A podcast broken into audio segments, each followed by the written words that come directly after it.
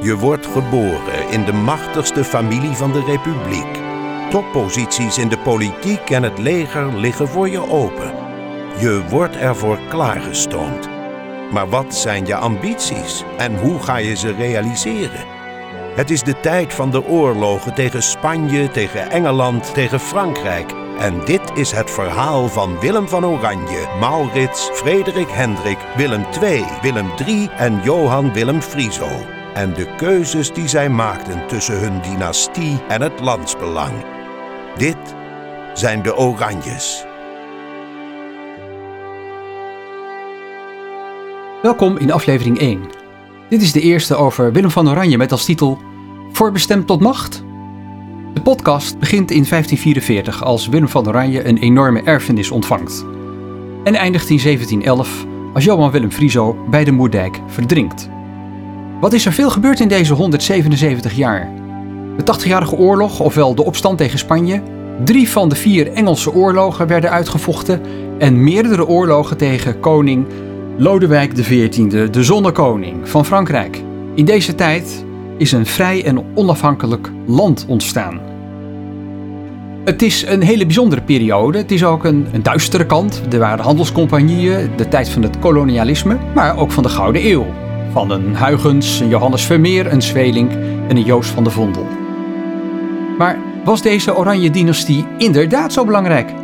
Over de politieke en economische macht van de Oranjes bel ik straks met Marjolein Hart.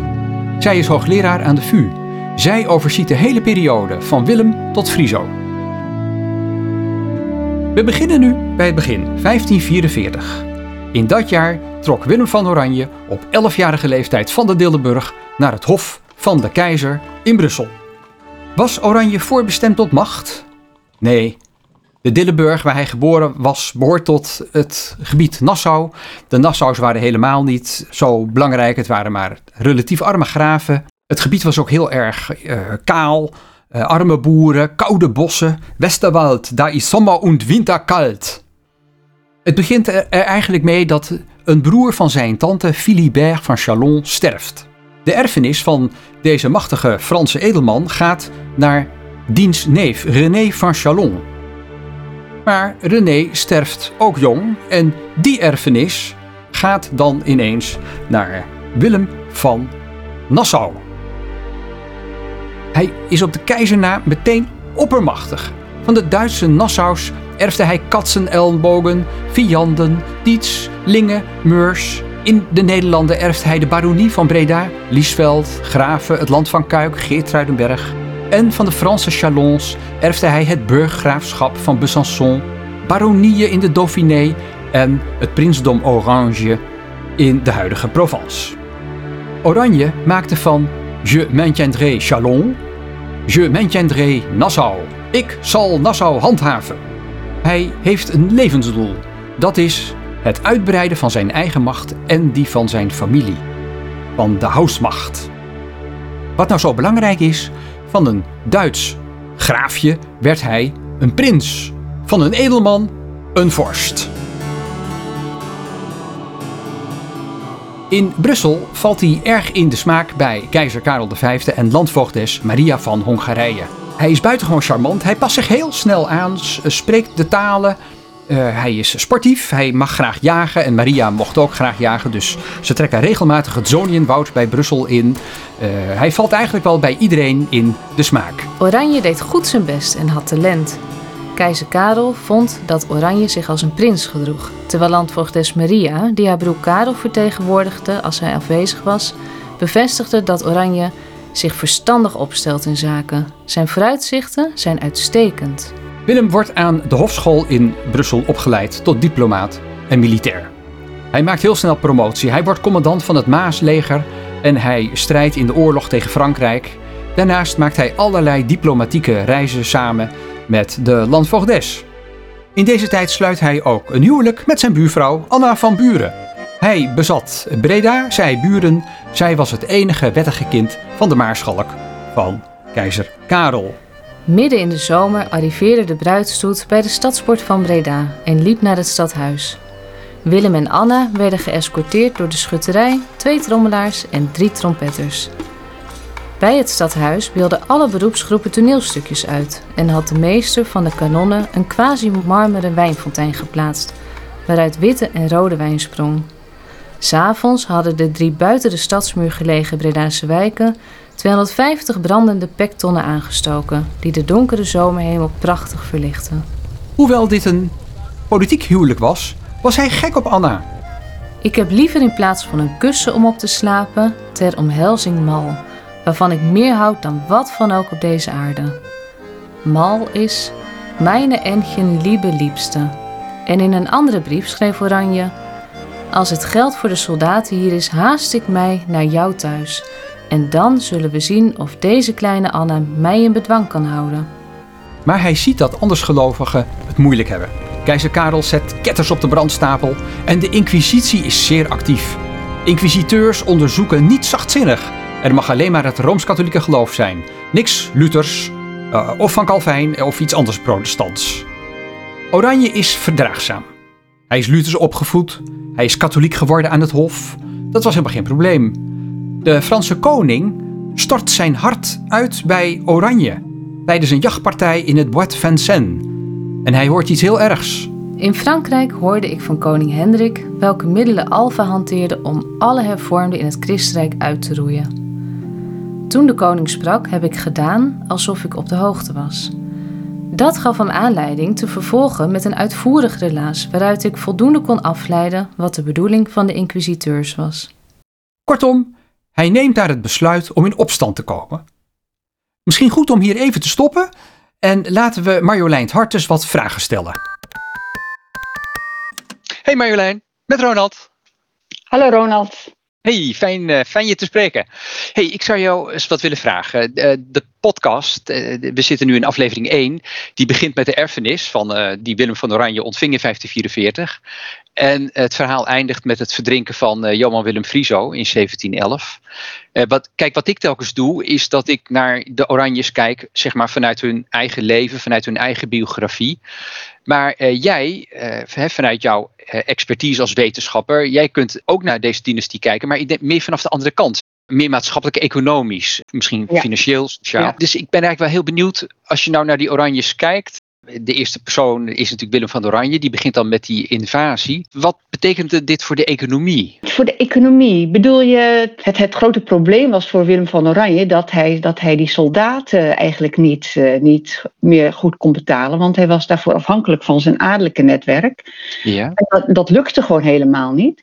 En het belang van de economie was dus dat, dat je in Holland een. Uh, uh, ja, een goede handelsgemeenschap had met, met steden die uh, belastingen wisten, uh, goed wisten te organiseren. En dankzij het geld van die steden, dankzij die belastingen, is die invasie uiteindelijk gelukt van Willem van Oranje. Zonder het geld van die steden was het hem nooit gelukt. Maar dat zegt dan, ik ik loop even naar de andere kant, zal ik maar zeggen. Dus dat ja. betekent dat die steden toch ook wel, zeg maar, uh, wilden wedden op, uh, op, op Oranje. Hè, dat ze er ook wel vertrouwen in hadden. Nou, dat, dat, dat was niet iets wat, wat vanzelfsprekend ging hoor. Want uh, had je dus, je, je, had die watergeuzen, die, die streden voor Oranje. Maar heel veel steden die hadden daar eigenlijk helemaal niet zo ja, zoveel fiducie in, in, in die mensen. Want die, ja, die, die hielden zich ook niet echt aan de regels. Die vielen ook gewoon gewone handelaren van, van Nederlandse steden aan. Dat was niet echt meteen geliefd. Maar toen dus Alva's troepen gewoon eigenlijk heel vaak onbetrouwbaar werden. Toen, toen, toen kregen de Hollandse steden ook steeds meer van... nou, we moeten uit twee kwaden kiezen.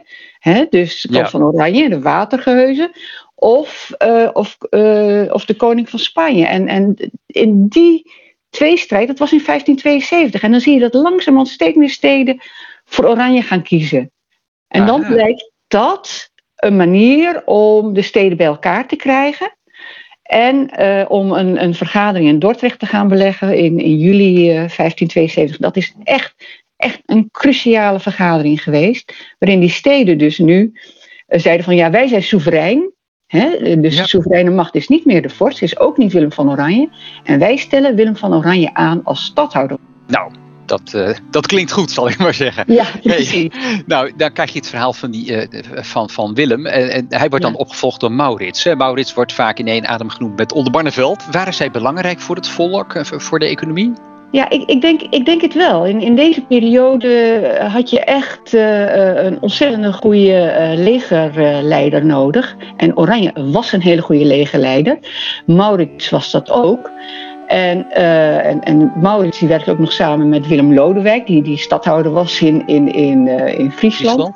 Ja, en dat was echt essentieel om te zorgen dat, dat Nederland onafhankelijk kon worden. Want als Nederland niet onafhankelijk was van Spanje, dan kon die economie ook niet zo opbloeien zoals het, zoals het uiteindelijk is, is gekomen. Want je had echt eenheid nodig, je had echt een onafhankelijk land nodig. En daar had je een krachtige legerleiding voor nodig. Ja, hey, misschien een gekke vraag. Had dat dan ook zonder Oldenbarneveld gekund? Ja, nee, dat denk ik dus echt, eh, echt niet. Want Oldenbarneveld, die was weer nodig een beetje voor de balans. Uh, dat, uh, dat het leger ook onder burgerlijk bestuur kwam. En dat het leger niet puur alleen door Maurits of door de adel of door legerleiders werd geleid. Uh, de, in Nederland had je echt een uitzonderlijke situatie dat de burgerlijke controle over het leger heel erg groot was. Ja, de provincies betaalden en die hadden dus zeggenschap erover. En van Oldenbarneveld, die, wilde, die zorgde ervoor dat die balans daar was. Dus dat was, eh, ze waren eigenlijk allebei nodig. Dus ik hoor je toch een beetje zeggen dat zeg maar, eh, de, de politiek heerste dan over eh, de, de militaire tak.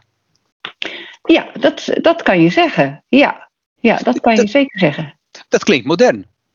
Dat klinkt modern, ja, want bijvoorbeeld die slag bij Newport bijvoorbeeld, uh, dat wilde Maurits helemaal, Maurits wilde helemaal niet uh, die kant op gaan, want hij had er helemaal geen fiducie in dat dat zou gaan lukken. En uiteindelijk is het ook niet gelukt, dus hij had daar ook wel gelijk in. Maar dat hij daar moest strijden, dat was gewoon een politieke beslissing. Ja, en in dat opzicht is, is dat een, eigenlijk al heel erg modern. Is, uh, en daar was Nederland echt wel in Europees opzicht echt een, eigenlijk een uitzondering. Nou, dat klinkt heel bijzonder. Hey, als dan die opstand geweest is, hè, want de podcast die loopt door, hè, dan krijg je de ja. ook, ook weer oorlogen met Engeland en Frankrijk. Als je nou kijkt, die opstand die eindigt in 1648, kun je ook wat zeggen, hoe was dan die band tussen de, de Oranje dynastie en de rijke stedelingen? Nou ja, langzamerhand gingen die uh, uh, stadhouders toch steeds meer ja, vorstelijke neigingen, ontwikkelingen. Die wilden graag een, een, een mooi hof hebben. En langzamerhand bleek dus ook na 1648 dat die stadhouders eigenlijk niet meer zo nodig waren voor de eenheid van het land. Want er was een goedlopende republiek. En uh, je ziet dus ook dat als, als er oorlog is met Engeland, dat uh, de republiek zich dan ontzettend snel weet te herpakken. Uh, en, en Johan de Wit is, blijkt dan een ontzettend goed staatsman te zijn. Uh, ja, en dan heb je zo iemand als Willem III, die dan echt met pracht en praal uh, een, een vorstenhuis wil, wil vestigen. Ja, dat, dat, dat is eigenlijk niet meer nodig. Oh, we hadden zonder Willem III gekund. Uh, dat denk ik wel, ja. ja. Hij was aangesteld als legerleider en uh, dat, was, dat was nog tot daar aan toe. Maar toen hij stadhouder werd, toen, uh, ja, toen moest hij ook, op een bepaald moment zo nodig Engeland gaan veroveren. Nou, dat was echt niet in het belang van Nederland. Dat, dus dat, dat was echt in zijn eigen dynastieke belang. Oh, dus dan, toen werd het ineens toch weer een privézaak, zou je kunnen zeggen. Want ik dacht dat die Glorious Revolution nou is hoogtepunt in de Nederlandse geschiedenis. Maar bij jou hoor ik dan toch, toch iets anders. Ja, we, we, hebben, we hadden daar eigenlijk niet zo heel veel aan. Want het bracht gewoon eerder problemen ook met, met, met, met de stedelijke, uh, stedelijke elites in Nederland. Die, zich, ja, die hadden gewoon echt andere belangen dan de Engelse belangen. Dus, dus Willem III, hè, die, die, die, die, die had Nederland eigenlijk in een beetje lastige positie gemanoeuvreerd daar. Oké, okay, oké. Okay. Ja. Hey, eh, het, het, verhaal eindigt met het verdrinken van, van Friso. Uh, we zien dan dat vijf van de zeven gewesten stadhouderloos uh, gebleven zijn. Wat, wat, wat, maak jij daaruit op? Ja, ik maak daaruit op dat, uh, dat, dat Nederland eigenlijk wel zonder de Oranjes kon. Uh, dat we eigenlijk geen stadhouder nodig hadden. Dat we heel goed als republiek uh, ons staande zouden hebben kunnen houden. Maar het was wel een feit dat langzamerhand er een, echt een politieke factie was ontstaan. Uh, oranje factie. Die tegen de statenfactie ageerde. En dat had te maken met, met allerlei baantjes die mensen altijd hadden gekregen van, van de stadhouders.